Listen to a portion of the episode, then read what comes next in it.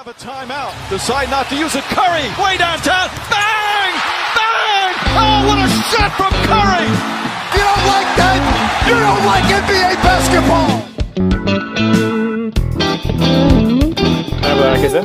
Kempod'un 128. bölümüne hoş geldiniz. Bugün Cem'le beraberiz. Nasılsın Cem? İyiyim abi sen nasılsın?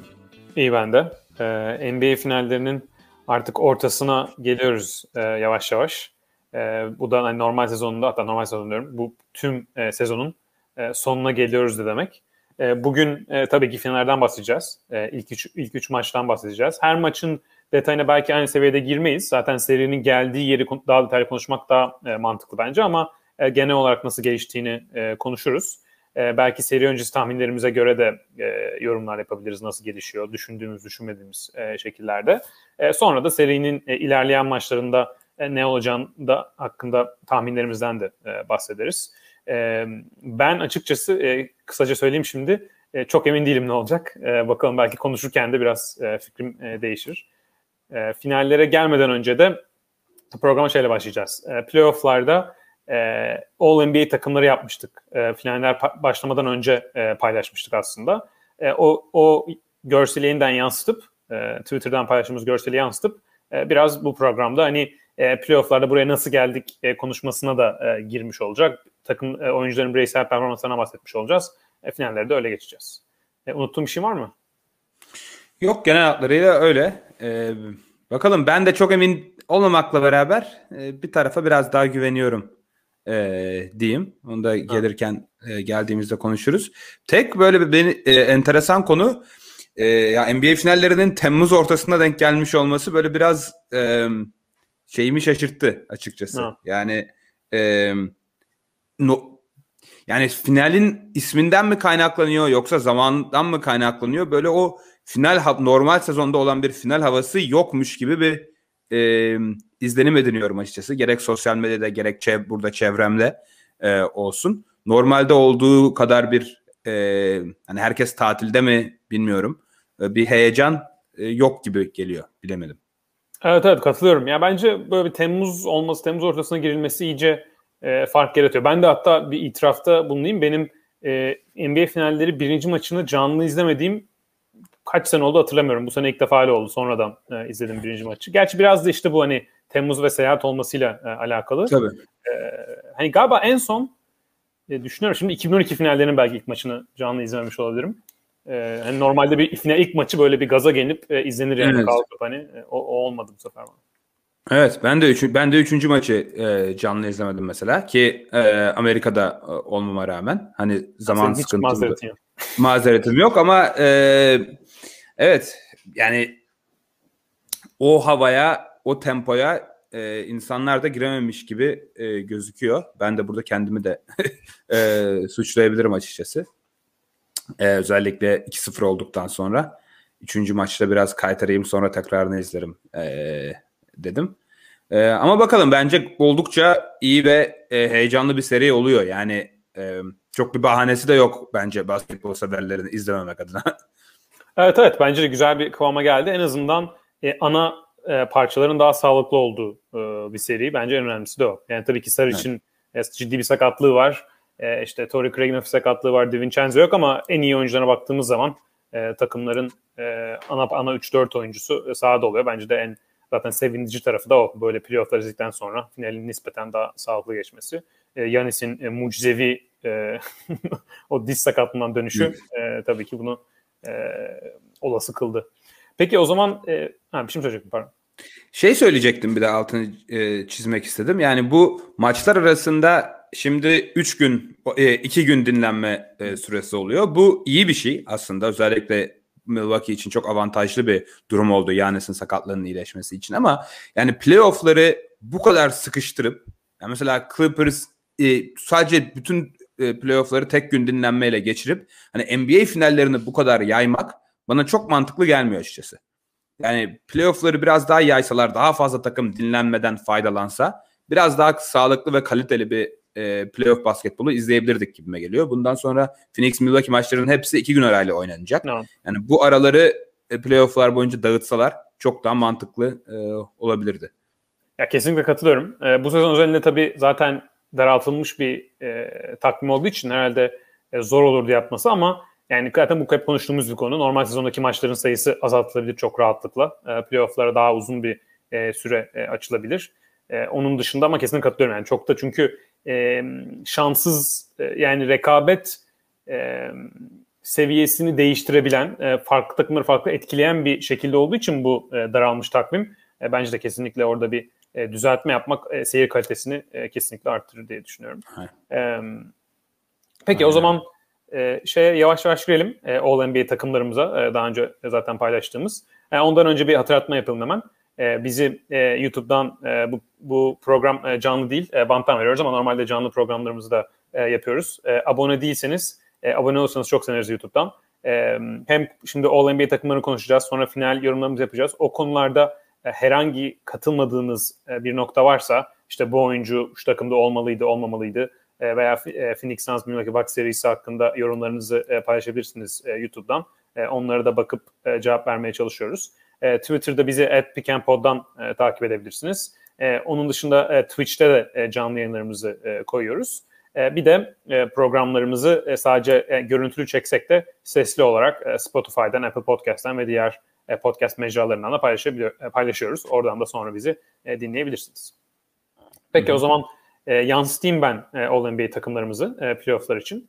E, şimdi playofflarda All-NBA takımları tabii biraz e, daha e, normal sezona göre daha e, fazla e, değişken olan bir seçim süreci bu takımları kurarken. Çünkü normal sezonda her takım aşağı yukarı benzer bir e, zorluk seviyesindeki rakiplere karşı oynuyor. Yani biraz değişebiliyor takımların karşı rakiplerinin güç seviyesi ama playofflarda bu çok farklı bir noktada. Mesela en kolay örneği burada koyduğumuz ikinci takıma koyduğumuz Luka Doncic sadece bir tur oynamış ve o birinci turu e, Clippers'a e, karşı e, oynamış bir oyuncu.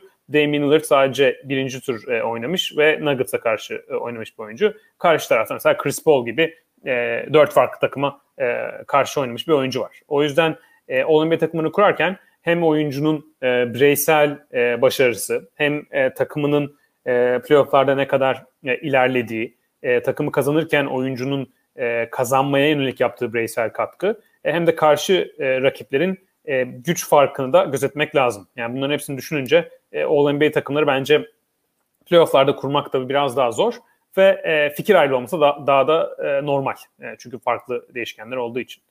E, şimdi ilk nasıl yapalım? E, birinci yani guardlar istersen guard forvet uzun diye e, mi ayıralım? Olur. E, dinleyenler için de istiyorsan sen bir özet geç. Guard en iyi guardlar, en iyi forvetler, en iyi uzunlar Aynen. diye e, tamam. e, konuşalım. E, guardlarda e, birinci takıma e, Trey Young ve e, Chris Paul'u koyduk. E, ikinci takımda e, Donovan Mitchell e, ve e, Devin Booker. E, üçüncü takımda Damian Lillard ve e, sürpriz isim e, Mr. June, e, Reggie Jackson. e, altıncı e, guard olarak girdi e, All-NBA takımlarımıza 2021 playofflarında. E, forvetlerde e, birinci takımda Paul George ve e, Giannis Antetokounmpo. E, ikinci takımda e, Luka Doncic ve Kawhi Leonard. Belki e, birinci turun e, en iyi iki oyuncusu diyebiliriz onlar için. E, üçüncü takımda e, Chris Middleton ve aslında bir uzun olan Joel Embiid'i de e, buraya e, forvet hmm. olarak e, sıkıştırdık.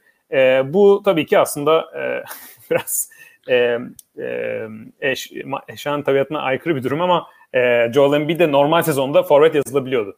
Onda NBA, NBA izin verdi vallahi yapacak evet, bir şeyimiz yok. NBA izin verdi. Biz de normal sezon çok yapmadık onu. Mesela yok ile Embiid'i aynı anda bir takıma koymadık. Ama playofflarda bu NBA, en iyi 15 oyuncu koymak bence daha önemli yani. Hem, e, evet. O şeylerden e, keskin e, pozisyon kategorilerinden çok. Uzunlara geldiğimiz zaman birinci takımda Kevin Durant. O da aslında sana garip gelir ama Kevin Durant yarısından fazlasını mesela Basketball Reference sitesine bakarsanız e, oyunda kaldırışın yarısından fazlasını pivot olarak e, geçirdi. En azından savunma e, yükümlülükleri olarak düşünebiliriz bunu. E, ikinci takıma e, yok içi aldık. E, üçüncü takıma da e, DeAndre Ayton. E, Phoenix Suns'dan e, üçüncü oyuncumuz. Böyle e, All NBA takımları. E, istatistikleri de e, paylaştık. E, görün, videolu, videodan izleyen e, izleyicilerimiz e, daha da rahat oradan görüp e, karşılaştırabilir. Bu istatistiklerin hepsinin e, finaller öncesinde e, olduğunu e, belirtelim. İşte Yanis'in, Chris Paul'un, Devin Booker'ın, Aiton'un, e, Middleton'ın rakamları e, değişti son 2-3 maçta. Özellikle Yanis'inki bir hayli değişmiştir hmm. e, son iki maçtaki performansından Aynen. sonra. Peki e, şöyle sorayım sana. e, birinci takımda e, işte Trey Young, Chris Paul, Paul George, Giannis, e, Kevin Durant. E, buradan e, katıldığın biri var mı? Ya da e, bir değişiklik yaparsan e, yani ya da zorlanarak mesela en ucu ucuna koyduğun biri var mı? E, öyle sorayım başlayalım. Ya e, yani NBA'de son yıllarda hep alışık olduğumuz şekilde forvet pozisyonunun yine çok kalabalık ve en e, iyi oyunculardan kurulu havuz olduğunun e, sıkıntısını e, burada birinci takımı yaparken yine görüyoruz. Aslında kağıt üzerinde böyle ilk izlenim baktığımda ya aslında Kawhi da Luka da daha iyi playoff geçirdi denebilir Paul George ve e, Yanis için. E, ama Luka Doncic'in sakatlık e, e, Luka Doncic'in sadece ilk tur e, oynamış olması, Kawhi Leonard'ın da sakatlık problemiyle maçlar kaçırmış olması, Paul George ve Yanis'in toplam takımına verdiği katkının bu oyuncuların önüne geçmesine e, sebep oluyor açıkçası. Ama e, maç başı etki olarak bakıldığında e, Kawhi Leonard ve Luka Doncic'in e, birinci takımda olmaları e, kesin olurdu. Hatta bence hani onların sen de bahsettin takımları söylerken gerçekten ilk turda e, playoff'ların en iyi oyuncusu, NBA'in en iyi oyuncusu seviyesinde e, oynayan iki isim de onlar. Belki acaba hani e, Yannis yerine e, Jokic veya Embiid birinci takımda olup Yannis ikinci takıma kaydırılabilir miydi diye e, düşündüm biraz. E, orada da sonra onda da çok e, emin olamadım. Embiid oldukça iyi e, iki seri geçirmiş olmasına rağmen e, sonuçta e, e, hayal kırıklığı yaratan Sixers'ın yani hiç kaybetmeleri beklenmeyen e, Hawks'a kaybeden Sixers'ın en iyi oyuncusu o, olarak playoff oynadı ve maçlar ilerledikçe e, ikinci yarılarda özellikle son çeyreklerde oyununun biraz düştüğünü e, gördük. Bunda tabii sakatlığının çok ciddi etkisi e, var gibi gözüküyordu ama yine de e, takımına e, galibiyeti ve seriyi getirecek katkıyı maçın ikinci yarılarında veremedi.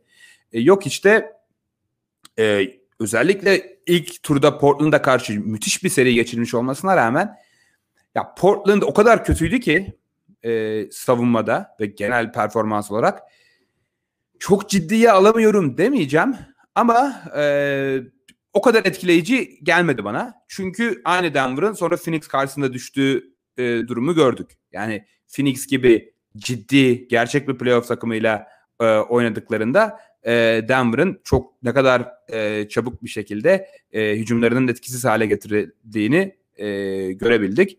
Üstüne üstlük savunmada da e, hiç tutamadılar. Onun da ciddi bir e, payı maalesef yok hiç. E, takımın e, pivotu ve çember koruyucusu olması gerektiği sebebiyle. E, o yüzden ben onu da çok hani birinci takımda kesin olmalı e, diyemedim. Sonuçta ikinci turda süpürülen bir takımın e, yıldızı o da. E, o yüzden bana e, makul geliyor e, şu an yaptığımız e, yani en azından birinci takım e, özelinde. E, tabii üçüncü takıma gelindiğinde mutlaka e, şu olmasaydı bu olmalıydı denilebilir. Çünkü hani playoff'ların en iyi 11.si 11. ve 15. oyuncusu arasından e, bahsediyoruz. Orada hani hemen dışarıda kalan mutlaka aynı, aynı derecede hak eden isimler olmuştur. Onları da hani e, arkadaşlar yorumlara yazabilir. Mesela akla gelen bir Drew Holiday var. Olabilir. Reggie Jackson yerine daha mı makul olurdu denebilir. Ama hani Reggie Jackson'ın da e, playoff'ların açık ara en sürpriz performansı olması sebebiyle ödüllendirmek de e, hoş oldu diye düşünüyorum. Evet, e, zaten listeyi oluştururken de e, WhatsApp grubunda en har- hararetli tartışmalar e, Reggie Jackson mı, Drew Holiday mi, e, üçüncü takımın e, ikinci gardı hangisi olacak diye. Ben e, kişisel olarak aslında e, Drew Holiday'e biraz daha e, yakınım. E, yani e, ekip olarak e, Reggie Jackson'ı e, koymaya karar verdik. Reggie Jackson'ın e, Drew Holiday'e göre tabii çok daha verimli bir hücum performansı var kendi e, skor bulma. E, aynı zamanda e, playmaking açısından da gayet iyi bir e, playoff geçirdi. Yani o büyük sürpriz yaparken e, Reggie Jackson ve çok kritik anlarda önemli e, sorumluluklar aldı e, Jazz serisinde e, özellikle. E, bayağı yani Reggie Jackson e, Paul George'la birlikte seriyi kazandırdı. E, tabii Terence Mann'in de e, acayip bir e, maçı vardı onu altı çizelim. E, ama mesela bence Drew Holiday'in e, daha çok daha verimsiz e, olmasına karşı e, savunmada aldığı e, müthiş e, daha büyük rol. E, ve playmaking açısından da Reggie Jackson'a dediğim gibi iyi olsa da bence ondan e, daha iyi bir e, daha e, oyun yani playmaking'ini e, maçın geneline daha çok yayabilen bir oyuncu. E, zaten bu hani genel rollerini düşündüğümüzde veya bu yani genel oyuncuların seviyesini düşündüğümüz zaman çok da normal bir Drew Holiday'in daha çok e, sorumluluk alması. O açıdan ben onu e, bir bir tık e, önde görüyordum. Bir de Hawks serisinin e, kapanışında yeni sakatlıktan sonra Middleton'la birlikte o seriyi kapamaları da bence e, gayet e, etkileyiciydi. E, Drew Holiday'in de playmaking gerçekten çok öne çıktı e, o son maçlarda. O açıdan ben Reject, e, Reject yerine koyardım ama çok büyük bir farkla değil. O yüzden e, çok da karşı çıktığım bir e, nokta değil. E, şeye değineyim. E, Yanis bence özellikle son iki maçından da e, sonra şu anda playoff MVP'si e, seçsem ben Yanis seçerdim. O yüzden e, All-NBA birinci takıma e, koymada mesela Jokic veya Embiid e, alınacaksa e, başka bir oyuncu çıkardım öyle söyleyeyim. Yani finaller başlamadan önce e, Kevin Durant seçerdim e, playoff MVP'si olarak. E, ilk şu anda mesela bir şekilde finaller iptal olsa bir daha maç oynanmasa e, şu anda Yanis'i e, seçerim herhalde playoff e, MVP'si olarak. Ya bu arada playoff MVP'si ödülü olmalı kesinlikle. Yani olmaması çok saçma bence. Ee, yani final MVP'si kadar bence değerli ve anlamlı bir e, ödül olur. Ben büyük ihtimalle ben finallerde ne olduğundan bağımsız olarak büyük ihtimalle ben de Yanis tarafında e, olurdum özellikle son iki maçta yaptıkları sebebiyle. Çünkü Phoenix'te de hani e, şampiyon olsalar da kredi Chris Paul ve Booker ve e, özellikle Chris Paul ve Booker da o başta olmak üzere kredi biraz dağılıyor. E, yani Milwaukee Yanis olduğu sürece var olan bir takım. E, ve bu performansıyla da playoff MVP'sini e, hak ediyor. Ben de büyük ihtimalle bire onu yazarım. İkinciye de herhalde hala Kevin Durant e, derdim. E, belki belki Trey Young derdim. E, ama yani bu listeye de bakınca biraz şeyi hatırlıyor insan tekrar o kadar müthiş bireysel performanslar oldu ki bu playofflar boyunca. Yani bütün bu yıldızların en az bir iki tane imza maçı oldu gerçekten. No. Yani Donovan Mitchell'ın Clippers serisinin ilk iki maçında e, şut performansı akıl almaz derecedeydi. Damian Lillard'ın Denver'ın Denver deplasmasında uzatmada kaybettikleri maç e, kaçıncı maçta hatırlamıyorum ama yani tarihsel iyi bir skorer performansıydı. Zaten üçlük rekorunu egal etmiş e, etti ya da geçti playofflarda galiba. E, yani bütün o Kawhi Leonard'ın Dallas 6. maçında deplasmanda takımın 3 geriyken resmen tek başına e, ikinci yarıyı e, takımına kazandırması. 40 sayıyı geçmişti o maçta. E, Paul George'un aynı şekilde kaybetmiş olsalar da Phoenix serisinde inanılmaz bireysel performansları oldu. E, Trey Young keza aynı şekilde konferans finali birinci maçında Milwaukee Bucks'a karşı 48 sayı atıp tamamen domine ettiği bir maç oldu. Yani hani böyle hep klişe lig emin ellerde işte gençler geliyor vesaire muhabbetinin aslında gerçekten gerçekleştiği bir e, playofflarda gördük. Yani çok zirve e, bireysel performanslar ve yani ligde artık hücum seviyesinin, hücum kalitesinin e, yani e, arşa erdiği e, seviyeleri gördük gerçekten. Bu da bence e, ne kadar sakatlıklar tarafından dönem dönem gölgede bırakılmış bir playofflar olsa da oldukça keyifli ve güzel e, bir playofflar yaşanmasına da sebep oldu. Evet katılıyorum. Ee, bir de hani benim de e, son notum kapatırken hani bu All-NBA takımlarını e, LeBron James'in de e, ya aslında burada tabii LeBron James olmaması büyük bir şok. Yani e, playoff'a Lakers'ın giremediği seneyi çıkarırsak e, 2006'dan e, beri herhalde her sene LeBron James bu üç takımdan birine girerdi e, playoff e, 15 oyuncusu yaptığımız zaman. E, o açıdan baktığımız zaman LeBron'un da hani sakat sakat bir sezon geçirmiş olmasıyla, senin önümüzdeki sezon bir, bir yıl daha yaşlanacak olmasıyla bu playoff'ların bence bir e, ana e, mesajlarından biri de e, Kevin Durant ve Kawhi Leonard'ın hani e, NBA'in en iyi iki oyuncusu e, biziz diye bir e, o adımı da yapmış olmalı. Zaten bu oyuncular tabii ki bu tarz e, konuşmalar zaten senelerdir varlar. Yani Kevin Durant Aşil tendon sakatlanmadan önce bence NBA'nin en oyuncusu e, konumuna gelmişti e, kısa bir e, süreliğine. E, Kawhi Leonard e, yine o seviyedelerdi 2019 e, playoff'undan sonra. Mesela bu off-season'da daha çok yaparız e, en iyi 25 oyuncu e, NBA'deki. E, o, onun zamanı geldiğinde Durant ve Kawhi Leonard e, kesinlikle bence zirveyi e, zorlayan iki oyuncu olacak ve bu hani çift yönlü fiziksel olarak çok üstün kanatların e, önemini e, şu andaki modern NBA basketbolunda bir kere daha gösteriyor. Zaten Kevin Durant'in e, %63 gerçek şut düzesiyle maç başına 34 sayı atması, o kadar çok bütün savunma, her savunmanın onun e, üzerine kurulmuş olmasına rağmen Kawhi Leonard'ın maç başına e, 30 sayı %68 gibi bir saçma bir gerçek şut e, gerçek şut düzesi atmış olması bize e, bu fizik e, fizikli kanatların playoff'lar ne kadar durdurulamaz e, olduğunu e, gösteriyor bence. O da hani en en tepe seviyelere çıktığımız zaman e, çok önemli bir belki de en önemli o kendi şutunu durdurulamaz şekilde e, yaratma e, yeteneği e, öne çıkıyor. Bunun üzerine de savunmada çok önemli katkı veren iki oyuncu. Yani Kawhi zaten Luka Doncic'i e, birebir aldı Nerf serisinde.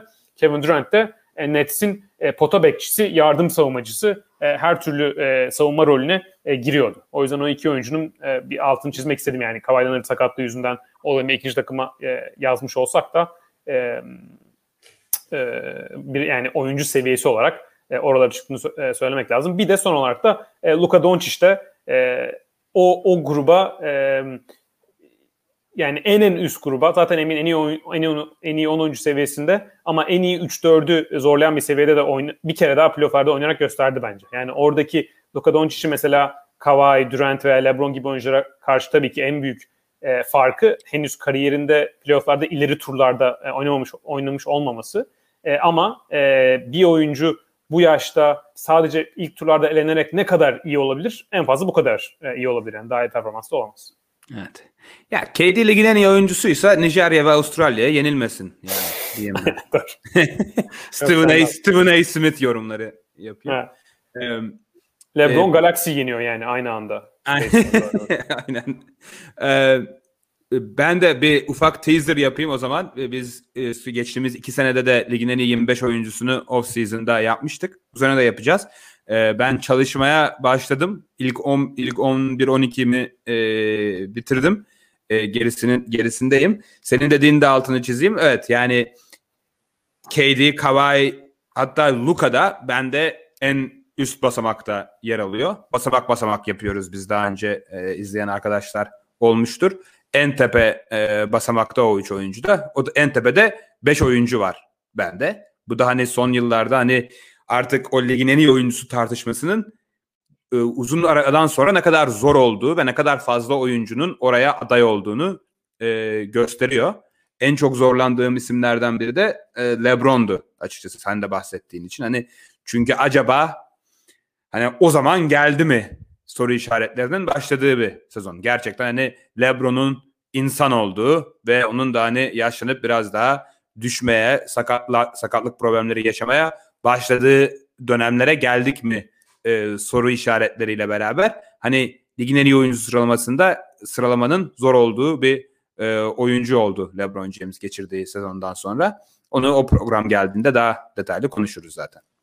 Aynen. Zaten LeBron sağlıklıyken yine muhteşem oynuyordu ama buradaki bir önemli nokta oyuncular yaşandıkça sakatlanma ihtimalleri artıyor. Sakatlıktan sonra aynı seviyeye aynı hızda dönme ihtimalleri azalıyor. Zaten e, bir sıkıntı da o. Yoksa e, sağlıklıyken en iyi oyuncu mesela hala çok rahat denilebilir tabii ki. LeBron James e, yani geçen sezon finalleri, playoffları domine eden bir oyuncu. Bu sezon normal sezonda MVP seviyesinde oynayan bir oyuncu sağlıklıyken. Ama bu sakatlık riskinin artması bir faktör. Hı hı, aynen öyle. Peki o zaman e, ana konumuza geçelim.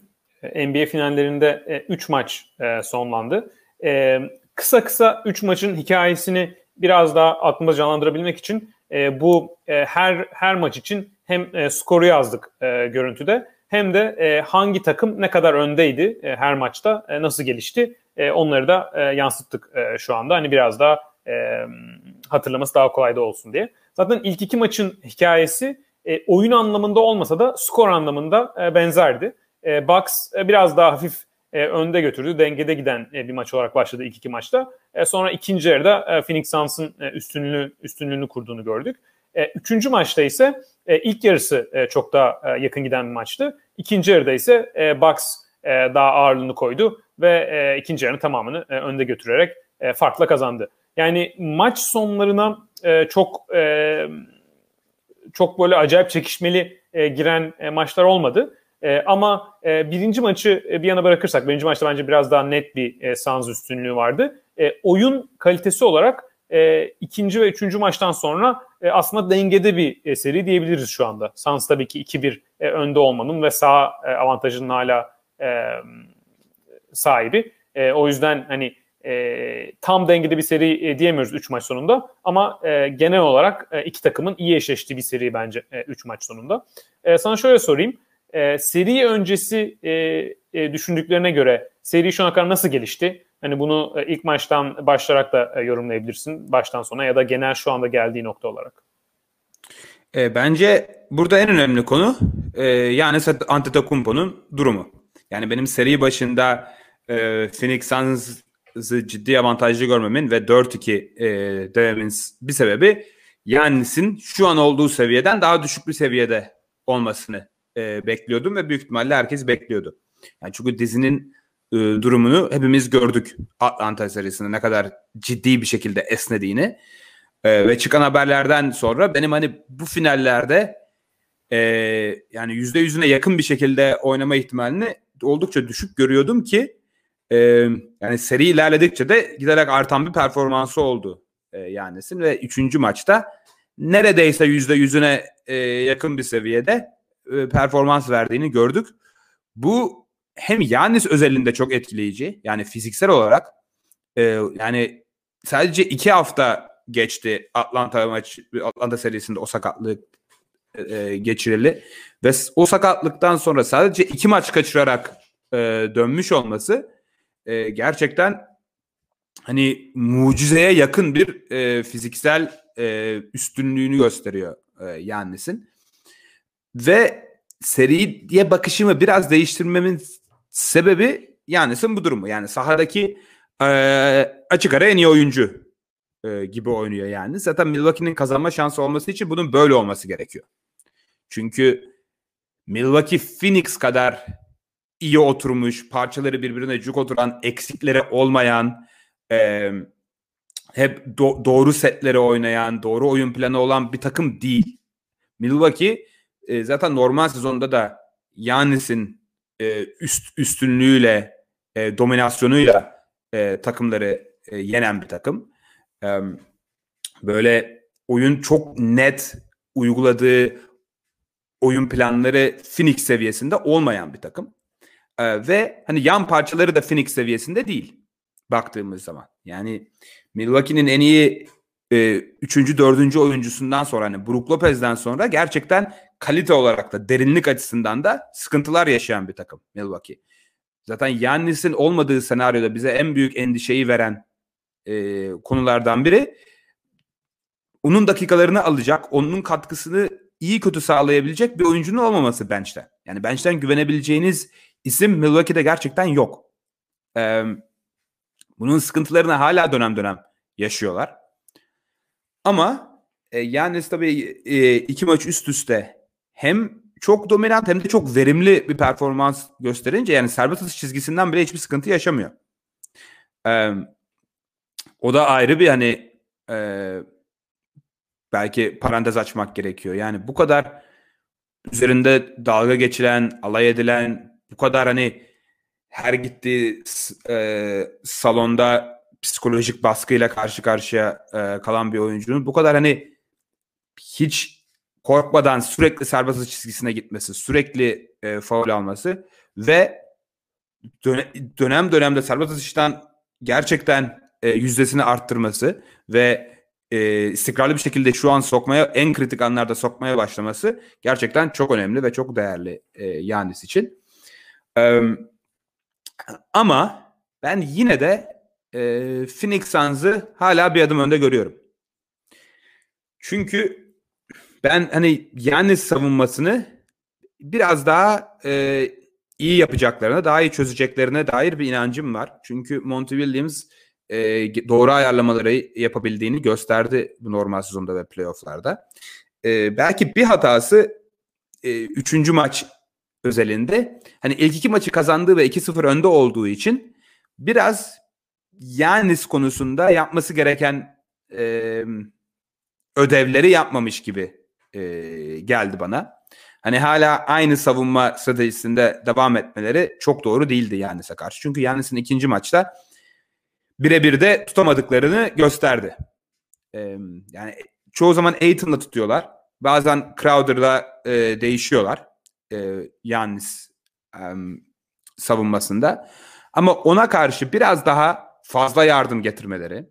Özellikle Yannis'in drive'larında bu tepedeki ve kanatlardaki oyunculardan biraz daha içeriye içeriği kalabalık hale getirip Yannis'in o spin hareketini e, işte Euro steplerini vesaire biraz daha karşısında o hep bahsedilen duvar meselesini e, oluşturacak şekilde e, yapmaya başlamaları lazım bence.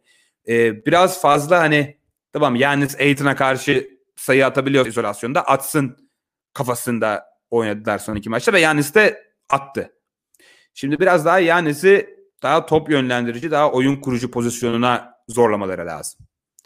Kanatlardan yardım getirecekler. Eğer Yannis köşede pet kanatını e, Jeff Teague'i vesaire bulacaksa bulsun. Onlar şu cezayı kesecekse kessin mentalitesine biraz daha yakın olmaları e, lazım diye düşünüyorum. E, buna da yapacaklarına inancım olduğu için yine de önümüzdeki maçlarda Phoenix Suns'ı biraz daha yakın ve bu seriyi kazanmaya 4-2 veya 4-3 olacak şekilde yakın görüyorum. Evet. E, bence güzel bir yerden hani anla başlaması gereken e, şu anda serinin de geldiği nokta olarak Suns Yanis'i nasıl tutacak? E, o soru e, etrafında şekilleniyor. E, yani Yanis'in e, performansı şu anda gerçekten çok tarihsel bir seviyede. Yani finallerde e, ilk 3 maçı bu kadar yüksek bir e, perdeden açan e, çok fazla e, oyuncu yok. Hani e, onun da tarihsel ününün biraz altını çizmek lazım bence. İki maç üst üste 40 sayı atan e, NBA tarihinde sadece 6. oyuncu oldu. Ve hani bu oyunculara bakıyorsun zaten artık finalde üstte 40 atınca çok çok elit isimler oluyor. Yani LeBron, Shaq, Michael Jordan, e, Jerry West e, dörtlü. Zaten finallerin e, en skorer e, 4 oyuncularından NBA tarihinde. Bir de Rick Barry. E, o da hani o diğer 4 oyuncu kadar fazla finale çıkmamış e, olsa da çıktığı sezon e, sezonlarda çok başarılı e, final e, skoreri e, profil çizmiş bir oyuncu. Yanis oraya mesela 6. oyuncu olarak çıktı. 2 maç üstte 40 sayıyı geçerek. 2 e, maç üstte 40 sayı 10 reboundu e, geçmek finallerde sadece Şek'in yaptığı e, bir, e, bir e, yani sadece Şek'in yapabildiği bir başarıydı. Yanis de ikinci oyuncu oldu. Yani o yüzden rakamsal olarak da e, ne kadar e, devasa bir e, iş çıkardı Yanis'in e, bence çok önemli bu seride. Bir de hani bu da Phoenix gibi sezonun en iyi savunmalardan birine karşı. Evet yani DeAndre Ayton sağdan çıktığı zaman e, tamamen değişiyor. Sarıç'ın sakatlanması da e, yani Yanis savunmasında Sarıç da çok iyi değil ama e, Phoenix'in kadrosunu değiştir daralttığı için orada sıkıntıya sokuyor. Ama sonuçta Suns buraya e, iyi hücum ve iyi savunma birlikte gelen bir takım. Yani kötü bir e, savunma takımına karşı yapmıyor e, Yanis bunu. O yüzden bence hem sakatlık dönüşü bunu yapmış olması hem senin dediğin gibi bu kadar eleştirdiği bir playofflarda yapmış olması hem de iyi bir savunmaya karşı yapmış olması hepsi bu performansına değer katan e, farklı farklı faktörler. Şimdi Suns ne yapabilire geldiğimiz zaman senin dediğin gibi şeye katılıyorum yani savunma kurgusunun değişmesi lazım. E, ikinci ve üçüncü maçta Yanis e, çember altından 25'te 23 ile oynadı. Yani bu zaten e, bir savunmanın çöktüğünün sinyali. Yani 25'te 23 %92 ile e, atıyor. E, Suns aynı iki maçta 39'da 20 ile atmış e, pota altından. Yani Yanis 25'te 23, bütün Phoenix Suns e, takım olarak 39'da 20. Yani öyle bir e, problemi yaşadığınız zaman matematiksel olarak kazanmanız çok zorlaşıyor. Nasıl kazanabiliyorsunuz? Suns'ın ikinci maç yaptığı gibi %50 üçlük atarak. Yani Yanis bu seviyede oynadığı sürece e, eğer Suns bu savunma formasyonuyla oynarsa ve Yanis böyle demelerse e, Suns'ın yine e, acayip üçlük seviyesine çıkması lazım e, maçları kazanması için. Yoksa senin dediğin gibi e, farklı bir kuruluma geçip daha e, normal bir şut atarak Chris Paul ve Devin Booker'dan e, normal iyi performans aldıkları zaman e, kazanmaya yeniden e, gelebilirler bu seride. E, ne yapabilir e, Bucks e, Yanis savunmasında? E, dediklerine katılıyorum. Yani bu yardım getirme e, durumu en önemlisi. E, mesela Nets serisini düşünelim. E, Brooklyn Nets'in e, bireysel savunmacıları e, Phoenix Suns'ın bireysel savunmacılarından daha kötü bence Yanis savunması olarak bakarsak. Yani önde Blake Griffin e, duruyordu Yanis'in. Ama Yanis herhangi bir şekilde e, spin yaptığı zaman veya fazla topu sektirdiği zaman çok iyi e, yerinde yardımlar geliyordu. Yani e, mesela soldan sağa Yanis o spin yaptığı zaman hemen arkadan biri geliyordu rahatsız ediyordu. Mesela Bruce e, Brown giriyordu oraya ya da Kevin Durant yardıma geliyordu. Suns da bunu Jay Crowder ve e, Bridges e, hatta Chris Paul E, DeAndre Ayton e, tutmuyorsa o da yardıma gelebilir. Bir sürü bunu yapabilecek oyuncusu var. O yüzden e, kesinlikle katılıyorum. Yani e, Monty Williams'ın bu düzenleme yapması lazım. Ama şöyle bir sıkıntı var.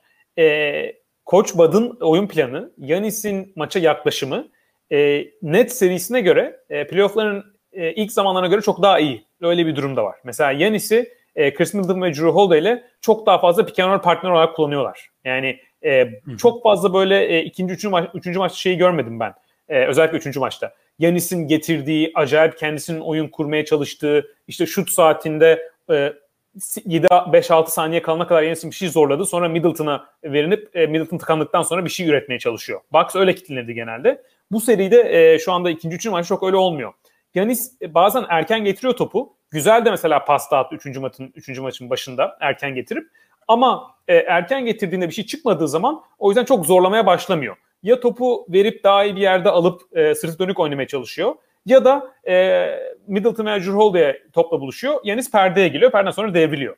E, o yüzden hani Bucks'ın e, biraz daha varyasyon getirmiş olması e, Yanis hücumuna ve bunu e, zaten hani hem bizim hem bir sürü başka insanın da söylediği gibi e, Yanis'i tamamen oyun başlatıcıdan çok başlatıcı ve bitirici rolünü daha dengeli e, kullanan bir oyuncuya dönüştürmüş olması bence savunulmasını biraz daha zorlaştırıyor. O yüzden e, Monty Williams yardım savunması işini e, halletse bile e, Bucks'ın daha doğru e, şekilde hücum etmesi Yanis e, etrafında e, biraz daha e, dayanıklılık katıyor e, Yanis ve Bucks hücumuna bence bu seride. Onu da söyleyeyim. Özellikle buradaki en kritik nokta bunu üçüncü maçta gördük.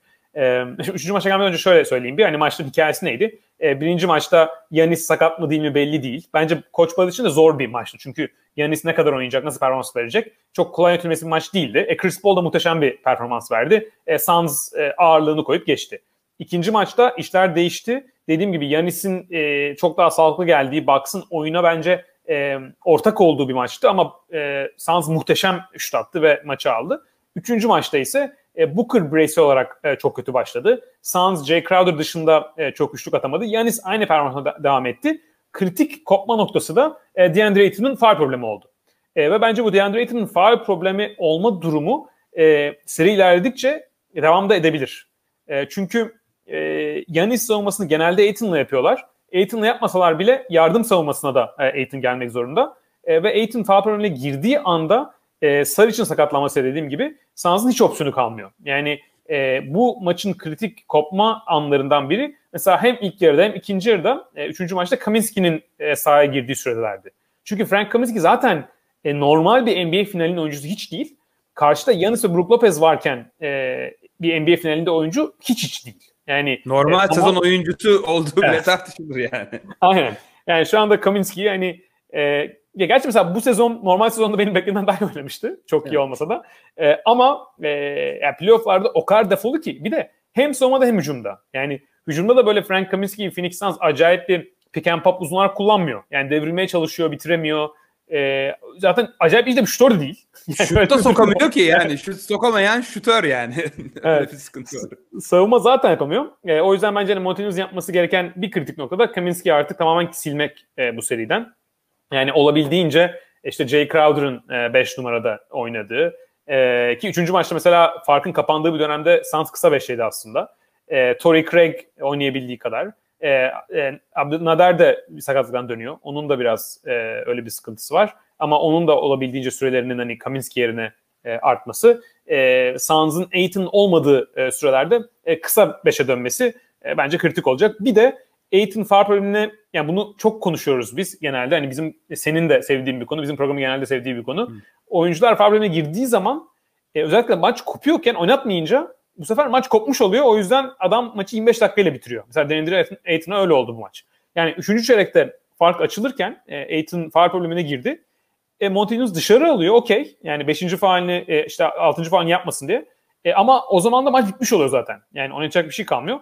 Bence o dengeyi daha iyi kurması lazım. Tabii ki ilk yarıda 4 faal olursa Aiton gibi hani savunma e, sorumluluğu yüksek olan bir oyuncu oynatmazsın tabii ki. Yani bir dinlendirmen lazım. Ama 3. çeyrek mesela 4 faalliyken ve maç gidiyor gibiyken bence kesinlikle oynatılmalı e, DeAndre Ayton. E, Montanus onu da daha iyi ayarlaması lazım. E, bu e, DeAndre Ayton, e, Yanis özelinde güzel bir e, şey de var. E, istatistik var. Onu paylaşayım. E, Yanis sahadayken ve DeAndre Ayton e, sahadayken e, Bucks'ın performansı e, ve ikisi sahada değilken e, Bucks'ın ve Suns'ın performansı. Yanis sahadayken ve DeAndre Ayton sahada değilken Bucks 100 pozisyon başına 39 sayı önde. Yani bu zaten olacak bir fark değil. E, Ayton sahadayken ve Yanis sahada değilken bu 19 dakika Suns 100 pozisyon başına 44 sayı önde. Yani Yanis varken Ayton yokken e, Bucks uçuk bir seviyede önde. Tam aynısı Ayton sahadayken ve Yanis değilken de oluyor. İkisi de sahadayken e, Suns 0.2 sayı önde 100 pozisyon başına. Yani maç dengede gidiyor.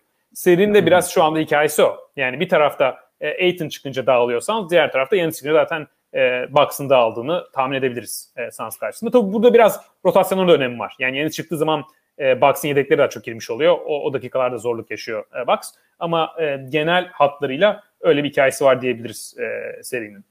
E, son üçüncü maç notumda şey olacak e, sana çevirmeden önce. Montaigne'ın bence bir yaptığı hatada e, ilk yarıda özellikle Chris Middleton'a durmadan ikili, ikili sıkıştırma getirdi. Yani e, Bucks zaten hani bundan hep bahsediyoruz. Hücumu çok iyi olmayan bir takım olduğu için e, Bucks'a olabildiğince e, savunmayı dengesini, savunmanın dengesini bozmanı engellemeniz lazım. Yani e, Bucks çünkü savunma dengesi çok iyi bozan bir takım değil. O yüzden onların işini kolaylaştırırsanız bu sefer acayip avantaja sağlıyorlar. Mesela Middleton'a ikili sıkıştırma gidiyor perdeden sonra. E zaten ondan sonra savunma toparlamaya çalışıyor. Çünkü bir iki, iki sıkışma gönderdiği zaman ortaya bir pas atıyor mesela perdeden sonra Middleton. E, ya Bobby Portis ya Yanis orada 4'e 3 oynuyor sonra. E, oradan sonra savunmanın dengesini bozmak çok daha kolay oluyor. E, bunu bence Monty Williams biraz kendi topuna sıktı. Yani böyle bir taktik yaparak. Hani Middleton da ikinci maç 50 sayı atmış olsa, seriyi böyle acayip koparmış falan olsa bir derece. Öyle de bir durum yok. E, pek anlam veremedim yani niye öyle bir taktiğe gittiler. Bence pick and roll savunmasını çok daha e, hani konservatif bir e, yani drop coverage de olur uzunu geri çektiğiniz. Middleton günündeyse 3 atıyorsa biraz daha e, Aiton'un yukarıda karşıladığı bir savunma da olur. Ama böyle çiftli ikili sıkışma falan hiç gerek yok. E, Yanis'e daha çok yardım getirildiği e, pick and klasik savunmaya tuttukları e, bir formata geçebilirsiniz. Evet kesinlikle katılıyorum. Ben de onun altını çizecektim. Yani o da çok ciddi bir hataydı Suns adına. Ee, ve on, onları biraz daha toparladıklarında Phoenix Suns'ın e, savunma performansı daha iyi olacaktır. Ee, ve yani senin de dediğin gibi Middleton ve Drew Holiday zaten çok kötü bir ikinci maç. Hatta Drew Holiday çok kötü ilk iki maç oynadı. Middleton da ikinci maç o kadar kötüyken hani niye böyle bir e, strateji izledi Monty Williams onu anlamlandırmak zor. Ve yani ikinci maçı da düşününce aslında yani Middleton veya Holiday'den birisi standardında kendi standardında oynasa şu an Milwaukee Bucks büyük ihtimalle 2-1 önde olurdu. Yani çünkü e, Phoenix Suns öyle Phoenix Suns çok iyi oynamadığı bir maçtı. E, Milwaukee'nin aslında doğruları e, yaptığı e, Yanis'in de müthiş bir performans sergilediği bir maçtı ama Middleton ve özellikle Holiday o kadar kötüydü ki yani çok kötü şut tercihleri, e, kötü hücumda kararlar. Yani Drew çok alışık olmadığımız e, bir şeydi. Yani savunmada çok fazla e, yük taşıyor. Yani sürekli Booker ve Chris Paul'dan birini savunmak yani gerçekten çok yorucu bir şey. E, ama hani sizin ta, hücumunuzun ikinci veya üçüncü e, opsiyon olması gereken bir oyuncudan da biraz daha fazla hücum katkısı e, istiyorsunuz. E, hani Milwaukee Bucks nasıl, ne kadar bazı şeyleri çözmüş gibi e, gözükse de Drew Holiday'in biraz daha üçüncü maçtaki hücum performansına yaklaşması lazım Milwaukee'nin e, şansı olması için. Bence Phoenix'in Milwaukee'ye karşı nasıl ne kadar iyi bir iş yapıp yapmadığının en iyi göstergesi e, rol oyuncularının Milwaukee'deki rol oyuncuların ne kadar üçlük denediği bence bunu çok iyi gösteriyor. Yani sizin Milwaukee ile oynuyorsanız yapmanız gereken şey sizin oradaki istikrarsız şütörlere PJ Tucker'a, Pat Connaughton'a, Jeff Teague'e mümkün olduğunca e, onlara e, üçlük imkanı vermek. Mesela bunu Milwaukee savunması çok iyi yapıyor. E, ikinci maçta kaybetmelerine rağmen bunu e, müthiş bir şekilde yaptılar. Çünkü birinci maçta ne oldu? Chris Paul ve Booker e, pick and roll'lerde ve içeri drive'larda darmadağın etti Milwaukee savunmasını. Milwaukee buna önlem olarak ikinci maçta e, az önce bahsettiğim bu tepe tepeden kanatlardan drive'larda içeriye yardım edip köşedeki kenardaki üçlüyü boş bırakma stratejisi. Bu sayede Phoenix ikinci maçta ilk çeyrekte 8 tane üçlük soktu. Aslında hani işe yaramadı denebilir. Çünkü e, Michael Bridges, Jay Crowder sürekli boş üçlükler buldular. Ne oldu? Bunu onu riske ettiler. Chris Paul ve Devin Booker devreye girmesin diye.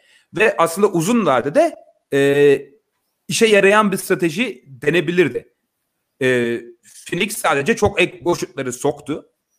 Ama bu stratejinin e, yani Milwaukee gibi bir takıma karşı tutması Phoenix gibi bir takıma karşı tutmasından daha kolay. Çünkü Phoenix'te şutörler Milwaukee'nin şutörlerine göre çok daha güvenilir isimler. Phoenix'in orada köşelere yerleştirdiği isimler daha istikrarlı e, şutörler Milwaukee'ye göre. O yüzden benzer bir stratejiyi Phoenix uyguladığı takdirde e, oradan köşeden az önce dediğim gibi e, Pat Connaughton'a, PJ Tucker'a boş üçlükleri riske etmek çok daha makul bir strateji olur. Yani üçüncü maçta e, PJ Tucker sadece iki üçlük, Pat Connaughton sadece dört üçlük, e, Jeff Teague e, de bir tane üçlük denemiş. Phoenix'in daha fazla şansının olması için bu üçlük sayılarını daha e, arttırması e, gerekiyor. Yani çok absürt bir istatistik vardı. Middleton, Drew Holiday ve Yannis'in sayı veya asist yapmadığı sadece iki basketi e, olmuştu üçüncü maçta. Şey, e, üçüncü yarının sonunda e, Bucks'ın bulduğu galiba 98 sayı olması lazım hatırlamıyorsam. 98 sayının 96'sında e, ya Middleton ya Yanis e, ya da Drew e, sayı atmıştı ve asist yapmıştı. O iki sayıda sadece Bobby Portis'in faal çizgisinden bulduğu iki sayıydı. Yani senin dediğine çıkıyor bu. Acayip o üç oyuncunun domine ettiği bir maç. Evet yani onları biraz daha e, içeriği biraz daha kapatıp biraz daha rol oyuncularını devreye sokmasını zorlaması lazım e, Phoenix'in. Çünkü e, yani dediğin sayı çok absürt yani. Sadece 3 oyuncunun bu kadar e, domine etmesini e, izin vermesi lazım Phoenix'in. Ama hani izin verseniz bile yani Middleton ve Holiday böyle sürekli final seviyesinde hücumunuzu taşıyama, taşımasına güvenebileceğin benim çok güvenebildiğim iki isim değiller. E, o yüzden hani Phoenix'i bir adım avantajlı e, görmemin bir sebebi de o. E, Drew Holiday tekrar hani üçüncü maçta gösterdiği bir performansı hücum anlamında sürdürebilir mi bilmiyorum. Çünkü bütün playofflar boyunca hücumda gerçekten çok zorlandı. Hani o yüzden Phoenix gibi bir savunmaya karşı tekrar oldukça verimli bir 21 sayı 9 asist ve benzer bir performansla oynar e, diyemiyorum. E, o yüzden e, Phoenix'i bir adım avantajlı e, görmekle beraber senin altını çizdiğin konu değerli. Yani Sarıç'ın da sakatlığıyla beraber Kaminski de oynayamayacak seviyedeyken Aiton'a çok büyük bir yük düşüyor. Ve e, faul problemine girdiği takdirde kısa beşlerini ben beğeniyorum Phoenix'in ama e, yani bu kadar dominantken de çok da şansları yok ona karşı e, açıkçası. Yanis ve Brook Lopez sahadayken ve PJ Tucker da e, hücum reboundlarında çok etkili bir e, oyuncu olabiliyor. E, durdurması e, çok zor bir takım oluyor. Üçüncü maçta Milwaukee'nin hücum reboundu yüzdesi yüzde otuzdu. E, yani kaçırdığı neredeyse üç şuttan birinin e, reboundunu e, alıyorlardı. Bu her maç size çok ciddi bir e, pozisyon avantajı e, demek. E, o yüzden hani Aiton'un mümkün olduğunca faal probleminden e, kaçması Aiton'un olmadığı kısa beşlerde de bu az, az önce bahsettiğimiz Yannis'e yardımlı duvar savunması da çok daha keskin olması e, lazım Phoenix'in diye düşünüyorum. Çok evet. faul yapıyorlar bir de Yannis'e. Yani, yani evet. e, o da Yannis onu cezalandırdı faullerini sokarak ama e, çok fiziksel oynamaya çalışıyorlar. Çok sert oynamaya çalışıyorlar Yannis'e karşı ama çok faulle yapıyorlar bunu. Yani biraz daha faulsüz e, yapabilmeleri lazım. Evet katılıyorum. Yani mesela 3. maç sonrasında Monty Williams işte Yanis bizden çok faal kullandı falan diye bir açıklamalar yapmış. Hatta böyle şey demiş işte hakemlere bir şey demeyeyim diye ama yani çok saçma çünkü adam zaten faal yapıyorlar içeride. Yani yani stratejik olarak faal yapıyorlar. Evet. o yüzden çok faal kullanıyor. Yani burada da yani. e, hani bir DeAndre Ayton 3. faali hafifçe alınmış bir faali. Bir de bunun hani arka planı işte Scott Foster 3. maçta hakemdi. Chris Paul, Scott Foster varken hiç kazanamıyor. Yani birbirini sevmiyor. Öyle bir durum var ama Hı. böyle bir aşırı kötü yönetilen bir maç değil mesela bence. Yani, yani ise bayağı net faal yapıyordu e, Bucks. E, bu kısa beş e, konusu önemli. Çünkü yani DeAndre Ayton faal girmese bile e, oyunun belli sürelerinde e, kısa beşler e, birbirine karşı oynayacak. Farm girme ihtimali de olduğu için hani daha da e, bunun arttığını düşünebiliriz kısa beşlerin. Benim açıkçası e, seri öncesi beklentilerimin e, karşılandığı bir e, eşleşme oldu kısa beşlerin sahada olduğu zaman. Hani ben Bucks'ın daha avantajlı olacağını e, düşünüyordum. O yüzden mesela şeyde konuştuğumuzda iki takım da sağlıklı olsa kim kazanır da ben Bucks'a biraz daha yakındım o konunda. E, yani kısa beşlerinde e, kısa beşler olduğu zaman Bucks'ın üstünlüğünün de üstünlüğünü sağlayabilmesinden gelen bir e, sebeple. E, orada hem Yanis'in bireysel e, üstünlüğüne çıkıyor hem de Bucks iki kısa beşte fiziksel olarak diğer oyuncularda da ağır basıyor. Çünkü Drew Chris Paul'dan daha fiziksel. Middleton Booker'la eşleşirse ondan e, daha büyük bir oyuncu. E, PJ Tucker e, belki hani boy olarak bir e, Cam Johnson veya Bridges'dan daha uzun değil ama çok daha fiziksel ve e, kuvvetli bir oyuncu. O yüzden kısa beşer olduğu zaman hem Yanis'in kendi bireysel dominasyonu oluyor hem de Bucks'ın bence fiziksel bir e, avantajı da oluyor. E, oradan bir e, genel oyun hakimiyetini e, kurabiliyor Bucks. E, biraz şeyden de bahsedeyim. E, hani şu ana kadar hep e, Phoenix Suns'ın savunmasından bahsettik. Bucks savunması mesela neleri iyi veya e, kötü yapıyor. Bizim hani ikimizin de seri öncesi yanlış hatırlamıyorsam Drew Holiday Booker'ı tutsa daha iyi e, diye konuşmuştuk. E, üçüncü maçta mesela e, Drew Holiday'in asıl savunma e, savunmada asıl tuttuğu oyuncu Chris Paul'du. Yani tabii ki pozisyon pozisyon değişiyor, switch yapılıyor. O yüzden Booker da bayağı hatta e, maç izlerken şöyle geçti aklımdan. E, Drew Holiday e, ana savunma e, sorumluluğu Chris Paul olduğu bir maçta maçı Devin Booker'a da zindan etti. Yani böyle bir savunma performansı çıkardı aslında. E, ama bence ana savunma e, rolünün Chris Paul olması daha iyi oldu e, Bucks'ta 3. maç e, özelinde. Çünkü e, Chris Paul e, hani perdeleri kullanarak kullanarak oyuna domine etmeye çalışırken Drew Holiday o perdelerden çok iyi e, geçebiliyor. E, üstünden veya altından iki türlü de geçtiği zaman e, karşı e, hücuma avantaj e, yaratma o boşluğunu minimize ederek e, perdelerden e, yanından veya arkasından geçebiliyor.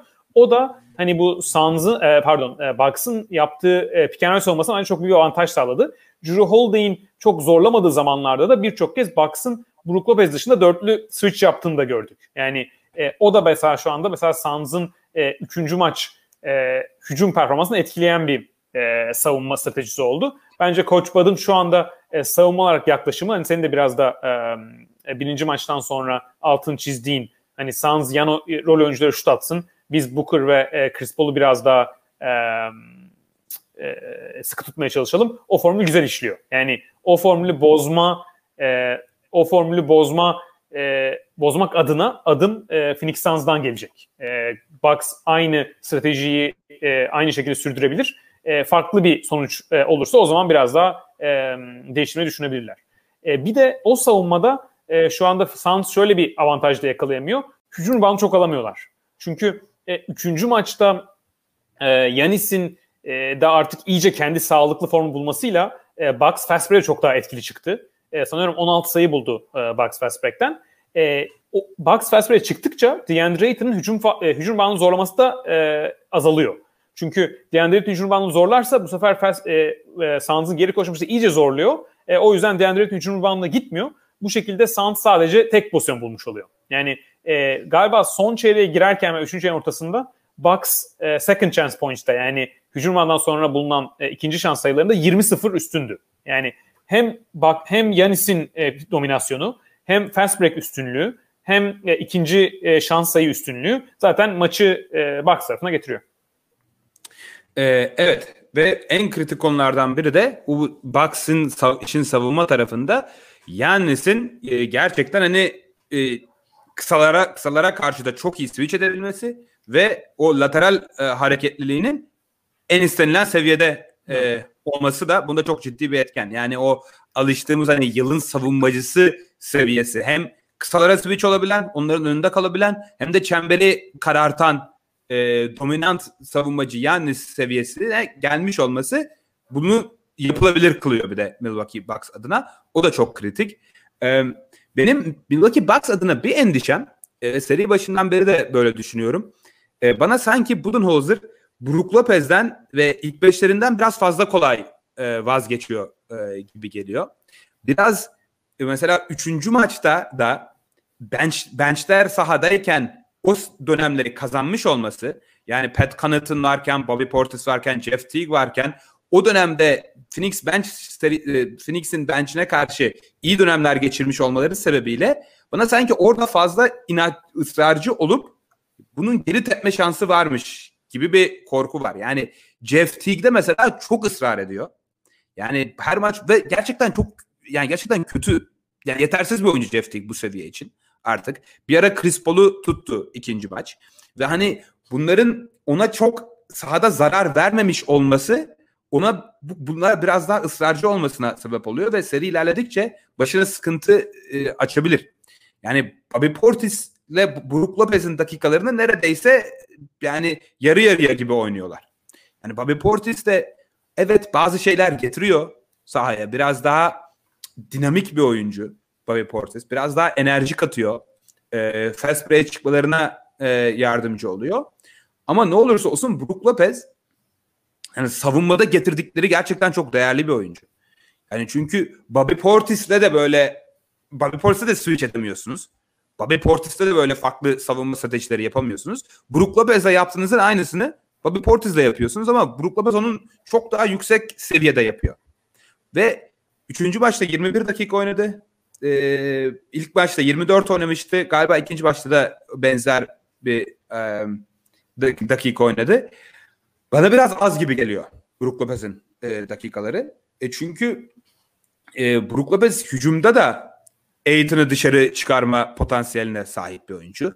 E, çembere yakın tutarsanız hücum reboundlarında e, etkili olabilecek bir oyuncu. Ve savun için savunma tarafında çemberi gerçekten karartabilen bir oyuncu. Mesela ilk maçta sahada Brook Lopez'in olmadığı dakikalara bakarsanız son çeyre, üçüncü çeyreğin sonu ve e, son çeyrek başında Phoenix Suns üst üste e, çemberde campaign'le e, sayılar buldu. Sürekli serbest atış çizgisine e, gittiler. Hiçbir şekilde e, boyalı alanı kapatamadı e, Milwaukee Bucks Brook Lopez'in olmadığı dakikalarda. E, bana sanki biraz fazla Portis, Connaughton gibi isimleri e, oynatıyormuş gibime geliyor e, Budenholzer. İlerleyen dönemde e, sıkıntı yaşayabilir e, gibi bir hissim var. Evet olabilir. Yani e, biraz da bence Portis'i 3. maçta şeyden fazla oynattı. E, sahada kendi sahasında oynadığı zaman Bucks e, Portis'in kattığı enerji biraz da fazla oluyor. Çünkü seyircinin gerçekten çok sevdiği bir oyuncu. Böyle bir e, Bucks da şeye ihtiyacı olan bir takım. Yani böyle biraz deli bir oyuncu girsin, takımı gaza getirsin. Hani o takımın üstündeki baskı e, azalsın. Portis en azından onu iyi yapıyor. O yüzden hani e, kendi sahasında oynadığı maçlarda Portis'i alıp ne kadar böyle seyirci galyana geliyor, takım onlarla e, coşuyor. Onu biraz belki denemiş ol denem, denemek bana mantıklı geliyor öyle söyleyeyim. Ama genel olarak katılıyorum. Yani Brook Lopez'in e, daha çok süre alması makul. Tabii kısa beş oynadığınız zaman Lopez'in süresi de azalıyor. Yani Connaughton'ın, e, PJ Tucker'ın Yanis'in yanında oynadığı e, Middleton ve Drew'yla o beşlerin süresi artınca e, Brook Lopez'in süresi biraz e, azalıyor.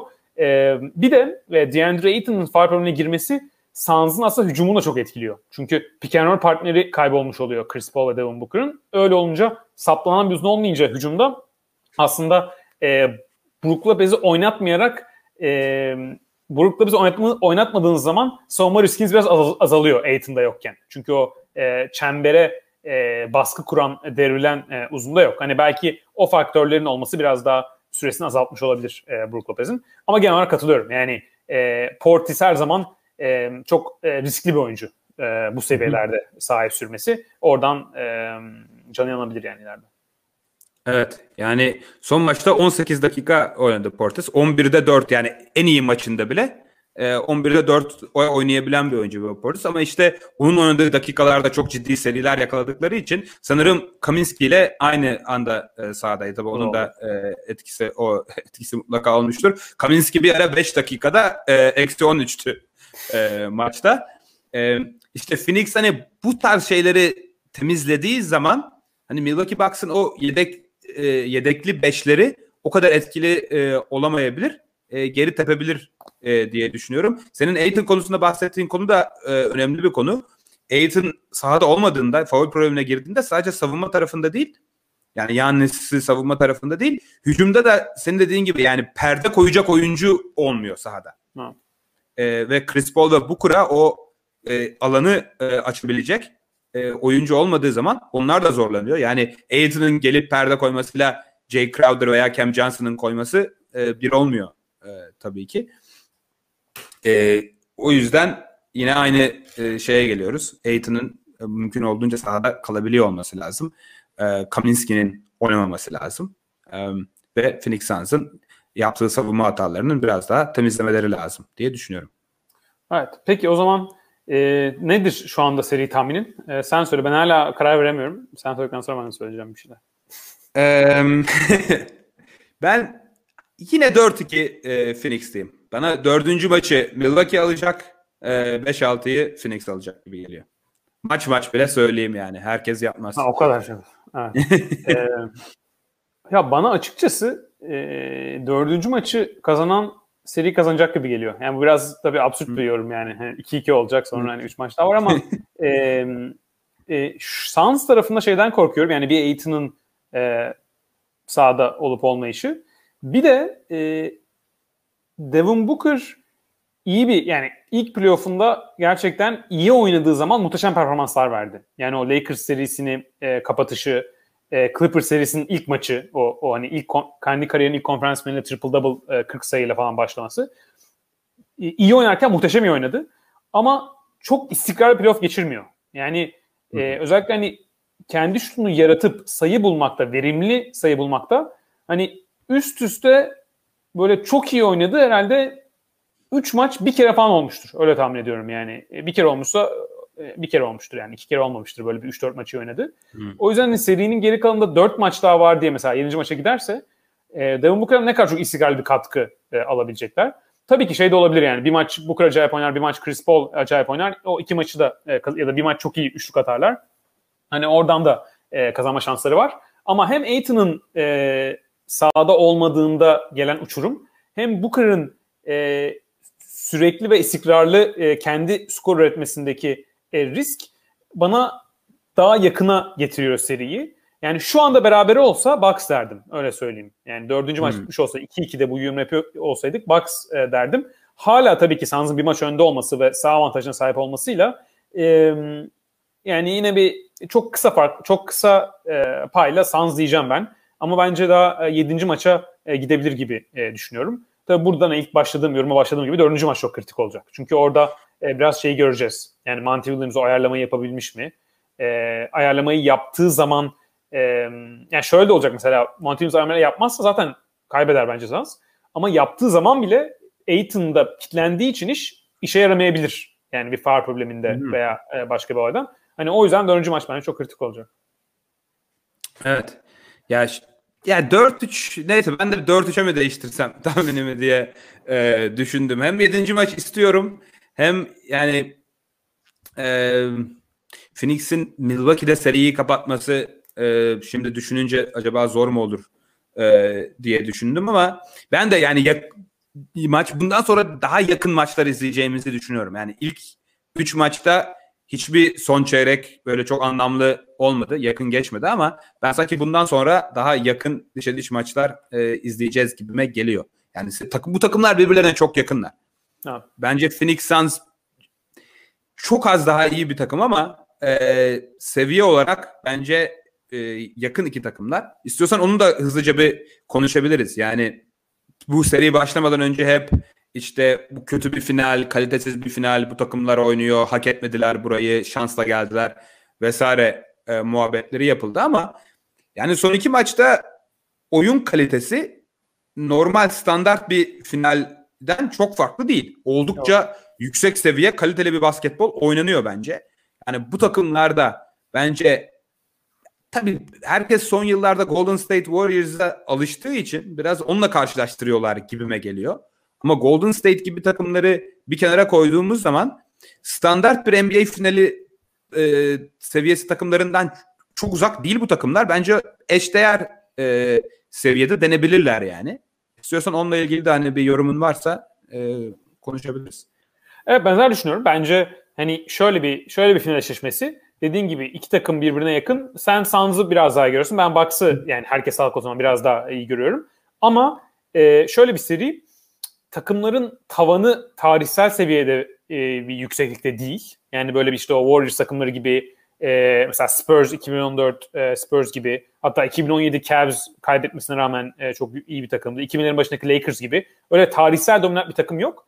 Ama çok zayıf, herkes sağlıklı, yani sağlıklı olduğu için çok zayıf bir e, takım da yok. Yani 2000'lerin başındaki öyle net Sixers gibi 2018 e, herkesin döküldüğü bir tek LeBron'un kaldığı e, Cavs gibi. Yani böyle çok e, seviyesi düşük bir e, final takımda yok. E, Bucks ve Suns'a baktığımız zaman. O yüzden bence hani e, normal playofflarda yani final öncesi playofflarda sağlık, sağlık problemi çok yaşandığı için insanlar böyle mentaliteyle geliyordu. Ama bence bu finaller e, makul bir NBA finali seviyesine geldi. Mesela program öncesi baş, bahsediyorduk. Geçen seneki finalin e, aynı seviyesine geldi. Hatta e, Heat'in yaşadığı sakatlıklardan sonra e, daha yüksek bir e, kalitede e, finale dönüşmüş durumda bence. Yani Bam Adebayo ve Drag için sakatlıklarını hatırlayalım Heat Lakers serisinde. Şu anki serinin gidişatı bu sağlık durumlarıyla bence onun biraz daha üstüne çıkmış durumda.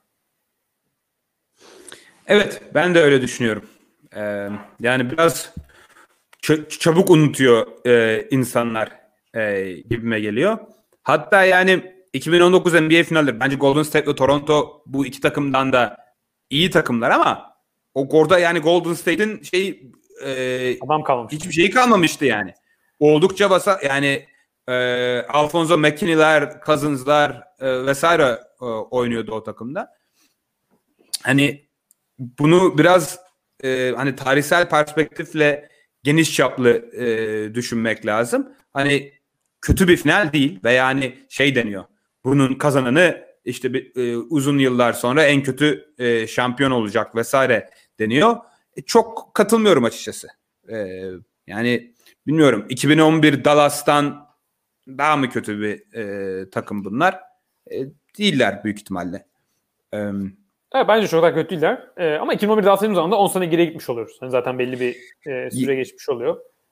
Ya da geçen seneki Lakers'dan bence çok farklı bir takım değiller açıkçası. Yani geçen seneki Lakers çok defolu bir hücum takımıydı. Ne kadar LeBron ve e, Davis olsa da. Yani tabii biraz e, şey konuşuyoruz. Yani um, Ferazi. felsefi evet ferazi konuşuyoruz. O yüzden hani kestirmek zor ama hani geçen seneki Lakers'ın normal sezon artı playoff'larda çıktığı seviyeyle e, bu takımların dönem dönem çıktığı seviye çok farklı değiller. Yani bence benzer seviye e, takımlar olabilir. E, o yüzden hani anın içindeyken bu takımları biraz daha e, takdir etmek e, gerekiyor diye düşünüyorum. Evet ben ben hani Lakers'ı biraz daha iyi görüyorum ama e, bu iki takım da geçen seneki Lakers'la e, çekişmeli bir seri geçirirdi. Öyle söyleyeyim. E, ama ben Lakers'ı hani daha e, avantajlı görürdüm. Onların Davis'in 5'te oynadığı e, zamanı hatırlayınca. E, güzel eşleşme olurdu mesela hem Suns'la hem Bucks'la. E, belki seneye öyle eşleşme. E, zaten bu sene neredeyse gördük Anthony sakatlanmadan önce. Tam evet. Evet ve güzel bir güzel bir seri de e, olacak gibiydi yani. O Lakers'la Suns arasında e, uzun ve çekişmeli bir seri e, görmeye yakındık. E, şanssızlıklar oldu. E, her sene her sene oluyor. Sadece bu sene biraz daha fazla olup e, tat kaçırdı. E, yani bu NBA finallerinde de şöyle bir notla hani e, son sözümü söyleyeyim. Hani NBA finallerinde ben de iz, e, programın başında bahsettiğim şekilde biraz daha az ilgi var gibi e, görünüyor. Ama yani bizi takip edenler eğer canlı izlemiyorlarsa bu maçları e, bence çok şey kaçırıyorlar. Gerçekten çok yüksek bir e, basketbol seviyesi var ve oldukça da heyecanlı e, geçmeye aday bence serinin geri kalan e, maçları. Çünkü iki takım da birbirlerini e, zaten genelde playoff serilerinin ikinci yarıları daha e, iyi olur. Çünkü takımlar birbirlerini daha çözmeye başlarlar. Gerekli ayarlamaları bitirmiş olurlar. E, bence çok güzel e, bir final kapanışı bizi bekliyor. Çünkü oyuncular da sağlıklı hepsi. E, çoğun, çoğunlukla tabii ki e, en iyi oyuncuların da sahada olduğu bir senaryoda çok yüksek seviyede iki kaliteli takımın e, maçlarını izleyeceğiz. Herkese izlemelerini öneririm. Aynen ben de. E, e, ben birinci maçı izlememiş olmanın verdiği, e, canlı izlememiş olmanın verdiği e, pişmanlıkla söyleyebilirim. Tabii ki canlı izlemek e, çok daha güzel. Aynen öyle. Peki o zaman e, yavaş yavaş kapatabiliriz. E, ekleyeceğim başka bir şey yoksa. Yok. E, hatırlatmamızı yapalım kopmadan önce. E, bizi e, YouTube'da e, abone değilseniz abone olursanız çok seviniriz. Abone olduktan sonra arkadaşlarınızla veya sosyal medyada paylaşırsanız e, yayınlarımızı bizimle daha çok izlenmemize e, sebep olur. E, aynı zamanda YouTube'da bildirimlerinizi e, açarsanız program e, yeni program koyduğumuz zaman ya da canlı yayınlarımızda size bildirim gelecektir. Daha rahat e, izleyebilirsiniz. E, Twitter'da @pikempod'dan takip edebilirsiniz. E, paylaşımlarımız e, devam ediyor. E, off season'da da yine aktif olmaya devam edeceğiz. E, aynı zamanda Spotify'da, Apple Podcast'ta, farklı podcast e, mecralarında da bizi e, sesli olarak dinleyebilirsiniz. Peki, e, çok teşekkürler Cem. Ben teşekkür ederim. Ağzına sağlık abi. Ee, teşekkürler. Ee, izleyenlere de teşekkür ederim. Ee, yine e, ikili uzun bir program e, çıkardık. E, artık e, bir, bir iki maç daha oynansın. E, finallerden sonra yine bir e, programla karşınıza geliriz. E, çok teşekkürler. E, Hoşçakalın.